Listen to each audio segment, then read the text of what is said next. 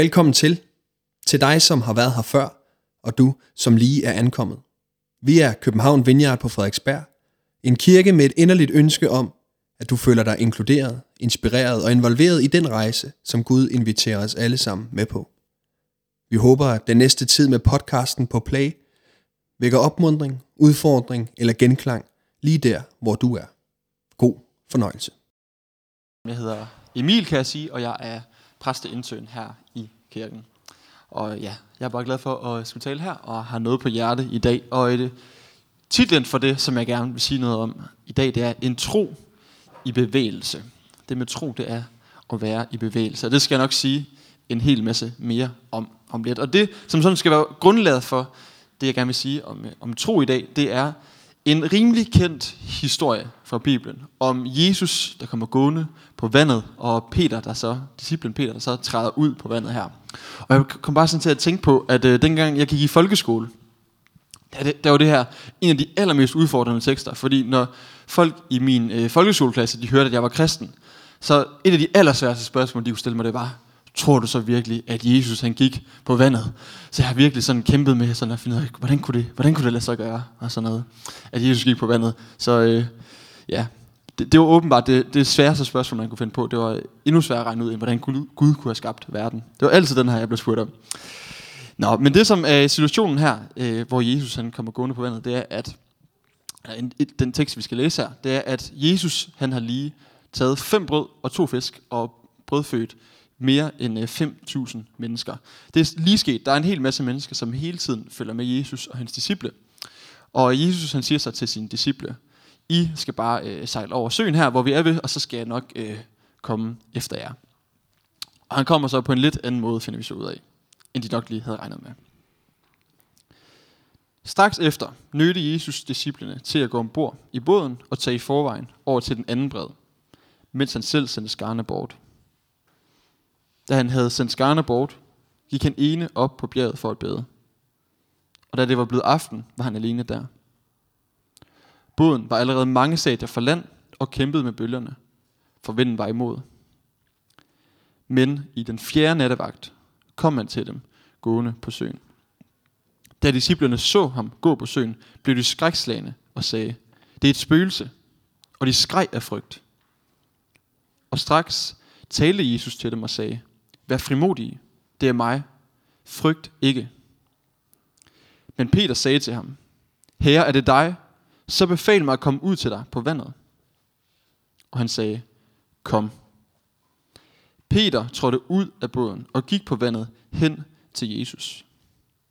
Men da han så den stærke storm, blev han bange, og han begyndte at synke og råbte, Herre, frels mig. Straks rakte Jesus hånden ud, greb fat i ham og sagde, Du lidetroende. Hvorfor tvivlede du? Da de kom op i båden, lagde vinden sig, og mændene i båden kastede sig ned for ham og sagde, Sandelig, du er Guds søn. Ja, det er lidt af en historie, vi har her. Og jeg tænker, jeg ligesom lige kunne indlede med at fortælle om en gang, hvor jeg selv havde sådan lidt en oplevelse, som Peter her havde med at skulle vandre ud på en sø. Og her der taler jeg ikke metaforisk forstand, men helt konkret øh, på et tidspunkt, hvor jeg var i Finland. Det er sådan, at jeg har øh, en finsk ven, som jeg mødte på en bibelskole i Australien, og så var vi, mig og en, øh, en anden dansk ven, vi var taget op til Finland for at skulle besøge min, øh, min, min, min ven heroppe. Og øh, det passer lige med, at vi havde eksamensfri sådan lige slut januar, så der tænkte vi, det var da et godt tidspunkt lige at besøge en i Finland. Vi har så ikke lige forholdt os til, at det skulle være minus 20 grader i gennemsnit, mens vi var der, og jeg havde sådan lidt halvdårlig dansk øh, vinterjakke. Så det var virkelig, virkelig koldt øh, at være deroppe øh, i de her dage. Men i hvert fald, så øh, havde det været sådan en ikke helt vildt kold vinter indtil da i Finland. Og så var det lige begyndt at fryse, og så bare fryse helt vildt. Så det var bare monsterkoldt at være deroppe. Men det vil så sige, at, at søerne i Finland, de er jo sådan lige frosset til is. Og øh, den her by, vi var i, Nardasajärvi, tror jeg den hedder, det var øh, der i, ved den by, der ligger Finlands anden største sø. Og de har ellers rigtig, rigtig mange søer, men det var den anden største sø, der var der. Og øhm, den kan folk åbenbart godt lide at gå ud på, lige så snart man overhovedet kan. Så der var, den var lige blevet tyk nok isen til, at man kunne gå derude. Og så min finske ven, han synes selvfølgelig, at vi skal gå ud på den her sø. Og øh, så en kilometer ude i søen, der ligger der på sådan normalt en lille, lille bitte ø, ligger der et fyr, og han er sådan, den der, den skal vi ud til. Det er åbenbart en eller anden finsk vintertradition, at man øh, gik derud. Så vi kommer ud til den her sø, og jeg står der og kigger, og jeg ved, at den er lige frosset nok til, til at man kan gå på den. Og øhm, jeg kan godt se, at der går øh, en god flok derude, men alligevel er sådan, skal jeg gå en kilometer ud på den her sø? Øh, og jeg kunne høre, jeg ved ikke, om I har hørt sådan store søer, der er frosset is, så kommer sådan de der voldsomme lyde nogle gange, sådan dung, sådan de der plader, de rykker sig. Jeg, jeg tænkte bare, åh oh, nej, hvad er det, vi har gang i her? Det var minus 22 grader den dag, som jeg husker det, og alt for koldt. Nu venter jeg sikkert på, at det sker et eller andet dramatisk. Det gør der ikke. Vi går ud på søen, og vi kommer ud til det, her, endda taget et billede øh, med derfra. Det var min, øh, en af mine venner, der har min danske ven, der tog et øh, billede af det her fyr, som ligger en kilometer ude øh, midt på den her sø. Og vi kom derud. Det var lidt skræmmende, men vi klarede den. Og der var ingen dramatik. Jeg faldt ikke lige så langsomt i vandet eller noget som helst. Grunden til, at jeg turde at gå ud, det var, at jeg havde tillid til min ven. Min finske ven her, han var ikke sådan en, der bare fandt på ting. Han, ville selv, øh, han var allerede selv derude. Han var selv øh, på vandet. Og fordi han sagde, at vi kunne gå derud, fordi han sagde, det her det er faktisk sikkert, det her det er faktisk trygt, så turde jeg også at gå derud, så turde jeg også selv at træde ud på isen.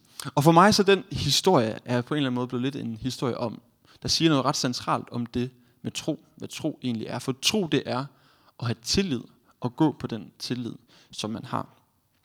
I Hebræerbrevet, kapitel 11, vers 1, der står der sådan her om tro. At tro er fast tillid til det, der håbes på. Der er lige noget tekst, der kan komme med. En overbevisning om det, der ikke ses. Men tro, det er tillid. Det er definitionen af tro. Faktisk det græske ord for tro, pistis, det betyder tillid. Det er faktisk det, som er betydningen af selve ordet tro. Så når vi går og, og, og spørger hinanden, tror du på Gud? Så det, det, som vi egentlig, det, som egentlig ligger i det spørgsmål, det er, har du tillid til Gud?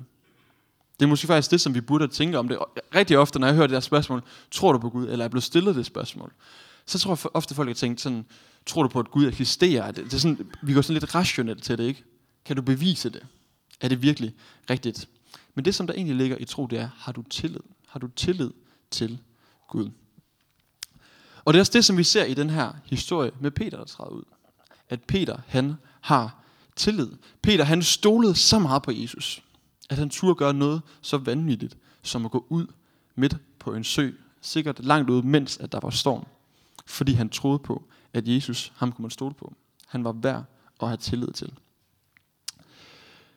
Og jeg tror faktisk, at Peter han i det her øjeblik har haft så meget tillid til Jesus, at da Jesus han siger, kom, jeg tror, han har glemt alt om, at der er storm. Jeg tror faktisk ikke engang, han begynder at tænke over, om det her det giver mening. Jeg tror faktisk slet ikke, at den tanke, den har slået ham. Jeg tror, det eneste, han har optaget der, det er bare, at Jesus han siger, kom herud. Jeg tror slet ikke, han har overvejet, hvor, hvor mærkeligt det må egentlig vil være, og om kan vide, om, om det egentlig holder, når jeg træder herud. Jeg tror ikke, det var det, han gik og tænkte på. Det eneste, der var vigtigt der, det var, at Jesus, han kaldte, og den Jesus havde han en dyb, dyb tillid til. Tro er dybt afhængig af Jesus. Det er afhængig af, at han kalder på os. Og det har vi brug for, hvis vi skal kunne tro, at Jesus han først kalder på os. At han kalder os til sig. Og det er derfor, at Peter han ligesom har den her bøn til Jesus, da han ser, at Jesus han kommer gående herude. Så siger han, Herre, hvis det er dig. De var først i tvivl om, hvem det egentlig var, der kom derud. Så jeg tror, han lige han bekræftede, at det er Jesus, der går der. Herre, hvis det er dig, så befal mig at komme ud til dig på vandet. Jeg har simpelthen brug for, tror jeg, der ligger i det her. Peter han har simpelthen brug for at vide, at det er Jesus. For hvis det er den Jesus, som han kender, så kan han have tillid til ham. Så kan han træde ud, for så ved han, at det vil bære. Der er en, som hedder Miroslav Wolf. Han har sagt sådan her om tro, at det er receptive activity. Det kommer lige herop.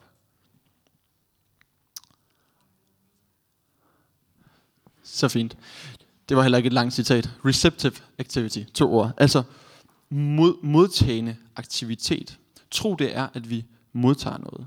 For at kunne tro, så er vi simpelthen afhængige af, at Jesus han først møder os. At der overhovedet er noget, vi kan modtage fra ham.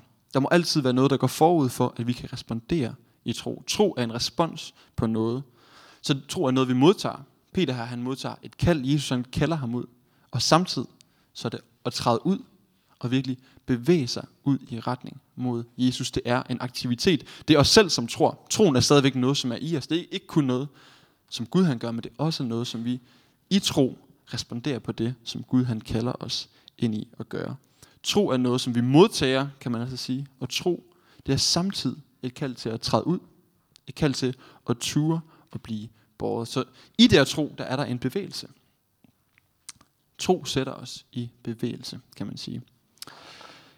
John Wimber, som øh, er founding father af Vineyard, han stiftede øh, Vineyard-bevægelsen i, øh, i Kalifornien for en god del år siden efterhånden. Han har sagt øh, sådan her. Faith is spelled risk. R-I-S-K. Altså tro, det staves risiko. Og hvad mener han så med det? Mener han så med det, at vi bare skal gå ud og gøre alle mulige hovedløse ting, tage hovedet under armen, og så bare øh, glemme alt, hvad der er rationelt, og så bare sige op fra vores job i morgen, fordi Gud han skal nok bare sørge for mig. Er det det, øh, der menes med det? Skal jeg bare sige, jeg løber en maraton nu, som jeg ikke har, har trænet op til det? Er det, er det sådan en slags risiko, som, som troen det indebærer? Jeg tror på, at Gud han kan kalder os ud til at gøre alle mulige vilde ting, ligesom det var noget vanvittigt, Peter han gjorde. Men jeg tror stadigvæk ikke nødvendigvis, at tro det behøver at være sådan hoved under armen, at vi selv ikke skal tænke os om. Men tro det er at ture. Det er simpelthen at ture og stadigvæk vide, der er en risiko forbundet med det her. Ture og træde ud lige der, hvor vi er dybt afhængige af Gud. Det er som Peter han gjorde her. Han træder ud, og han aner ikke, om det kan bære. Han er afhængig af Gud. Jeg kommer til at tænke på faktisk, når vi beder for hinanden her i Vineyard, så kan vi godt lide at bede for hinanden i alle mulige situationer af livet. Og når vi beder, det er egentlig også på en måde at træde ud i tro. For vi er afhængige af Gud. Vi kan ikke selv gøre det. Jeg kan ikke på nogen måde helbrede noget menneske. Den kraft har jeg ikke i mig. Men det er et skridt i tro. Et skridt i at være fuldstændig afhængig af Gud. Så tro det rummer det her element af, at vi lægger vores liv i Guds hænder. Vi skal lægge det i hans hænder, og så skal vi lade det ligge der. Det er tro. Jeg ved ikke, om I bemærkede lægge og ligge. Jeg har vokset op med, at øh, man altid sagde bare den med i. Så jeg er ved at øve mig i at sige den med e. Altså vi lægger det, det er som en bevægelse i Guds hænder, og så skal vi lade vores liv ligge der. I dyb afhængighed af Gud. Så det med at træde ud og risikere noget i tro, det med at tro, det er faktisk på en eller anden måde også et kontroltab. Fordi jeg kan ikke selv styre det hele. Det. Jeg kan ikke være i kontrol af alt det, som jeg bliver kaldet ind i. Og jeg kom til at tænke på i mit eget liv, om, øh, om jeg lige sådan havde haft nogle, øh, nogle episoder, hvor jeg også oplevede det her med sådan skulle træde ud, og der virkelig var den her følelse af kontroltab. Og jeg kom til at tænke på sådan første gang, hvor jeg skulle ud og tale. Jeg øh, gik i gymnasiet på det tidspunkt, jeg var 19 år gammel, og jeg havde øh, virkelig noget på hjerte. Og jeg har også fået en invitation til at komme ud og tale hen i en sådan lille bitte gruppe, hvor der sad øh, 10 andre på min egen alder. Det var øh, nogle af mine gode venner, der havde inviteret mig. Øh, men jeg havde alligevel oplevelsen af, at Gud også havde talt til mig om, at jeg skulle tage derhen. Og for mig så var det virkelig et stort skridt i tro. Det var et kæmpe kontroltag for mig. Jeg kunne virkelig mærke, at det her, det kan jeg ikke gøre i min egen kraft. Jeg var dybt afhængig af Gud i, at det her det overhovedet på nogen måder skulle kunne lykkes. Og det er jeg virkelig på mange måder stadigvæk i det, eller det er fuldt ud stadigvæk i det at tale. Øhm, og så tror jeg nogle gange, at vi har, Gud han kalder os ud i steder, hvor vi simpelthen må nødt til at træde ud. Det er overhovedet at tro på ham og sige, jeg har tillid til dig Gud. Det er at træde ud og på en eller anden måde faktisk at ture og tabe kontrol.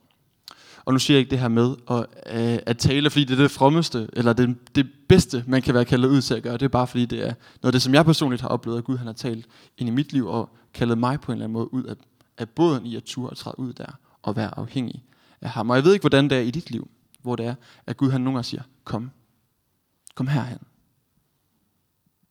Det kender vi måske hver især, der hvor at helgen nogle gange prikker til os og siger, kom, tur og træd ud her.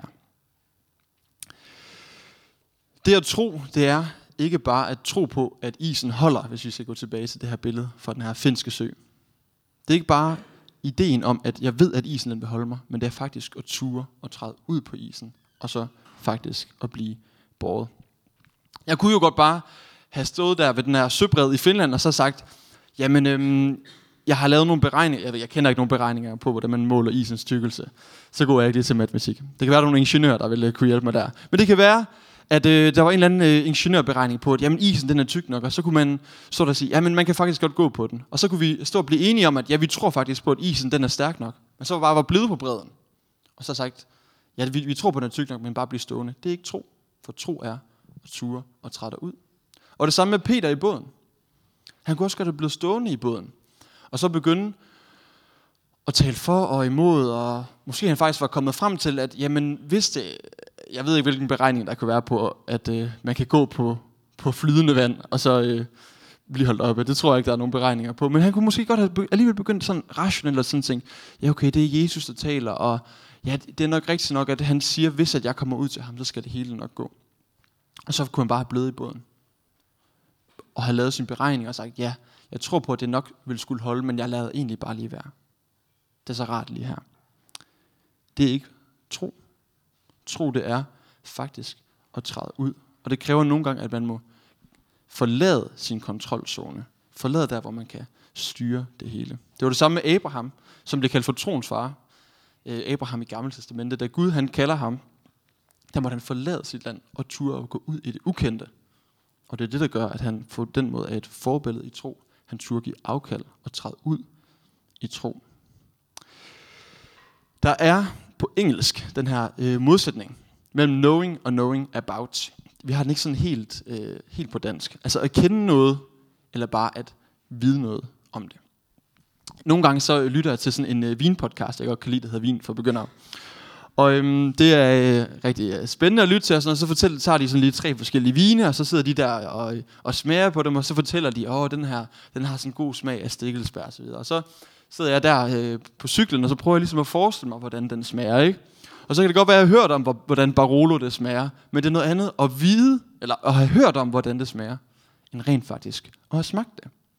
Der er stor forskel på at have den der knowing, den personlige kendskab til det, og så bare vide noget om det. Og det er nok den kritik, jeg har lidt af den podcast der. Man glemmer lidt, hvordan det smager, når man ikke rent faktisk selv har smagt det. Eller også fik man aldrig lov til at finde ud af det. Jeg ved det ikke helt. Der er forskel på viden og erfaring i hvert fald. Det er det, jeg gerne vil sige. Og sådan er det virkelig også med tro. Man kan godt vide en masse. Nu har jeg selv lige om lidt gennemført en seks år lang teologiuddannelse. Og man kan godt vide en helt, helt masse om de bibelske skrifter og det ene og det andet. Og det kan der være rigtig meget godt i. Men det er ikke nødvendigvis ens betydende med, at man kender Gud. At man kender ham, man tror på. Eller har, kender ham, man læser om. Man kan læse i Bibelen helt vildt ofte. Man kan godt det hver dag. Men det betyder ikke, at man træder ind i en relation med Jesus og rent faktisk taler med ham. Man kan have alle de rigtige svar, eller de rigtige holdninger, hvis man kan sige det sådan. Men ikke leve med Jesus. Ikke have tur at tage det skridt ud og sige, Jesus, jeg er bare afhængig af dig. Tur og træde ud i tro med ham. Der er et aspekt her i den her historie, som jeg også lige vil komme omkring, omkring tvivl. Nu hører vi her om Peter, der ligesom sådan rent heroisk foran de andre disciple siger, jeg går lige ud foran her i tro, og så træder jeg ud på vandet. Han er, Peter han var altså ham, der var hurtigst til lige at, øh, at gå foran de andre øh, disciple. Og det er ham, der ligesom træder ud her. Det er ham, der viser, at han har den stærke tro. Men alligevel, så ser vi også, hvordan at han lige pludselig begynder at falde i vandet. Og jeg ved ikke, om han pludselig bare pladask har været dernede, eller han sådan langsomt, sådan kviksandagtigt er begyndt at synke ned i vandet, eller hvad det end der er sket. Men han kigger i hvert fald på bølgerne, og så bliver han bange, står der. Han glemmer at se hen mod Jesus, og så begynder han lige så stille i hvert fald at synke i vandet. Og Jesus han siger til ham, du er lidetroende, altså du har, hvorfor havde du så lille en tro? Og han spørger ham øh, helt præcist, hvorfor var det, at du tvivlede? Hvorfor stolede du ikke bare på mig? Det gik lige så godt, Peter. Du så jo selv, at jeg havde ret i det, jeg sagde, og alligevel så begyndte du at tvivle. Jeg tror, det siger noget ret centralt om det at tro, at en stærk tro og en tvivlende tro, de kan eksistere nærmest samtidigt. De kan eksistere på samme tidspunkt i samme person. Det er i hvert fald det, vi ser her med Peter. Han viser både, at han havde en enorm stærk tro. Han turde træde ud, og samtidig så var han fyldt med tvivl, når det faktisk galt. Der er en ven, som jeg har, som øh, jeg for nylig hørt sige, at tro og tvivl er tvillinger. Eller tvivl er troens tvilling. De to hænger sammen. Ikke sådan forstået, at tvivl så er lige så godt som tro, og det er en helt vildt positiv ting. Det er altid hårdt at tvivle. Men tvivlen, den opstår. Tvivlen, den er der. Vi kan ikke rigtig komme udenom den. Jeg kommer til at tænke på en, øh, en anden beretning fra evangelierne, hvor Jesus han øh, går rundt sådan og helbreder øh, en hel masse mennesker. Det står i Markus evangelie kapitel 9. Der er der så en far, som har en syg søn. Han har været syg i lang tid, og han, den her søn her, han, øh, ja, det er som om han er besat af en eller anden dæmon.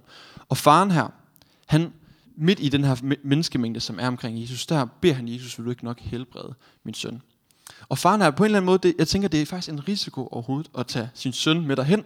Han stiller sig ligesom til skue foran hele det her samfund, han var en del af. Der kunne være alle mulige sådan negative konsekvenser af at stille sig frem der og faktisk være sårbar og ture og anerkende, jeg, jeg kan ikke selv gøre det. Der er et kontroltab bare i den bøn at sige til Jesus, vil du ikke nok helbrede min søn?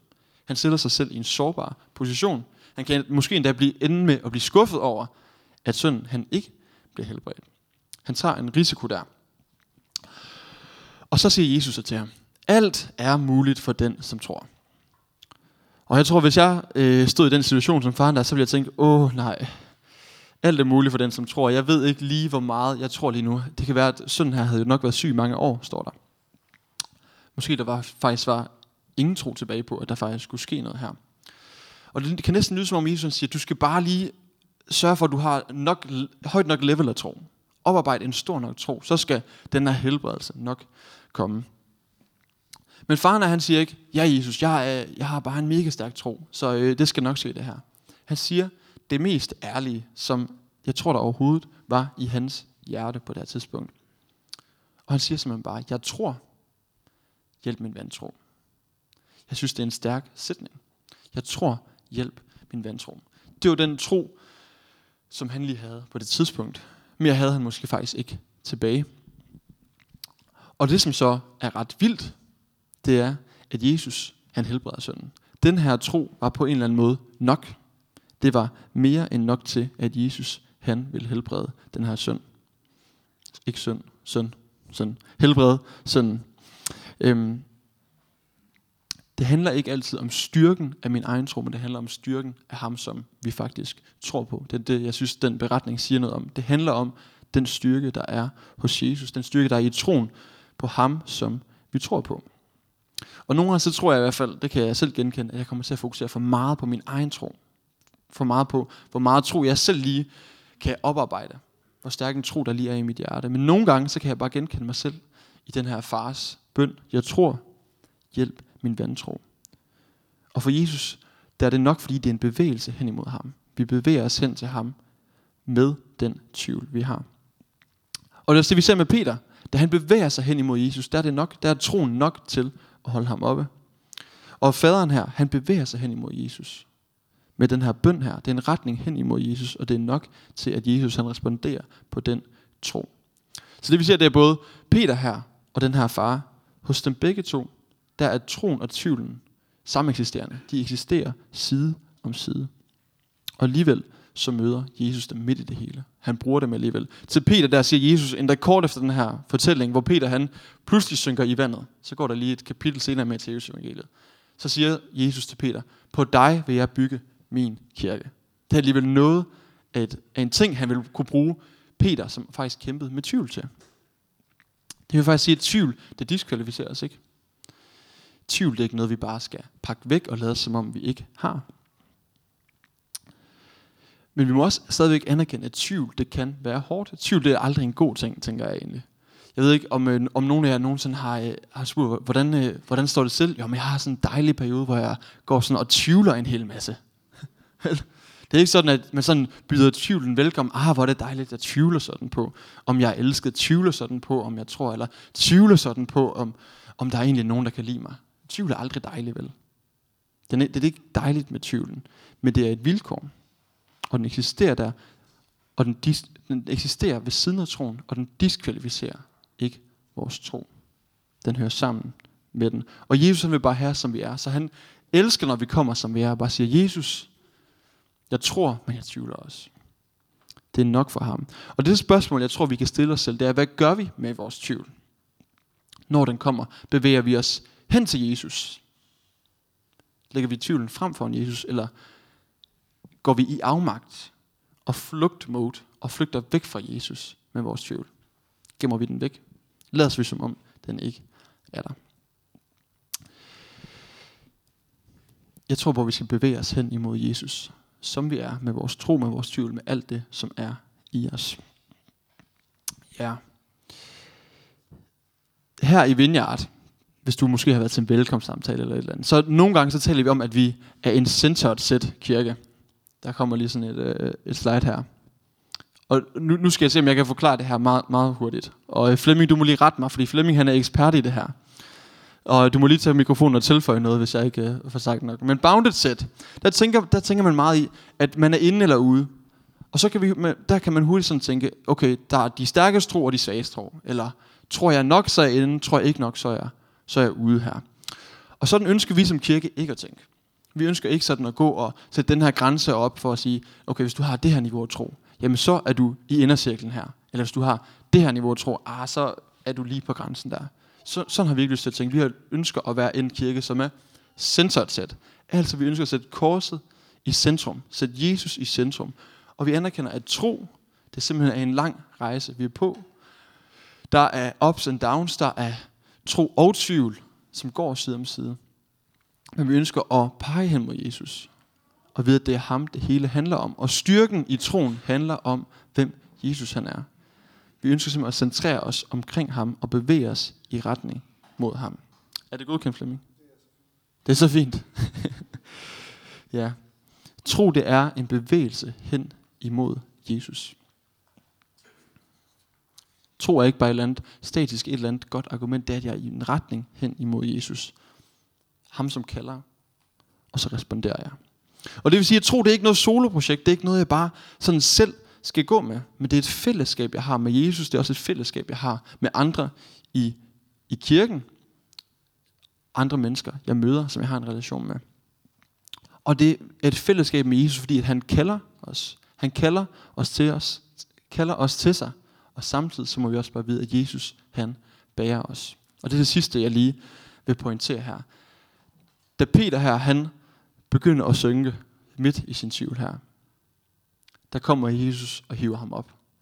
Han siger bare, herre, frels mig, og Jesus han kommer med det samme og hiver ham op og tager på en eller anden måde for ham med op i båden.